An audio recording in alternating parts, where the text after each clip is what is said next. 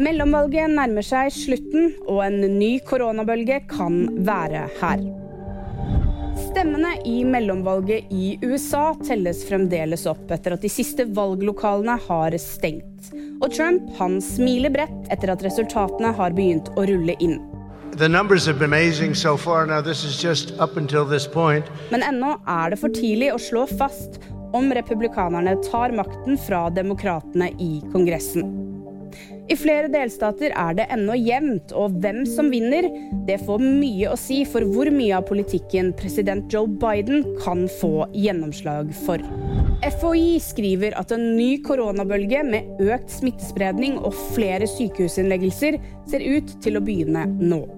Og rådet det er at man skal holde seg hjemme til man føler seg bedre, og at man ikke trenger å teste seg om man har milde symptomer. I tillegg til en ny koronabølge er det sannsynlig at det også blir epidemier av influensa, RSV-infeksjon og kanskje også kikhoste. VG-nyhetene fikk du av meg, Ida Aaberg Evensen.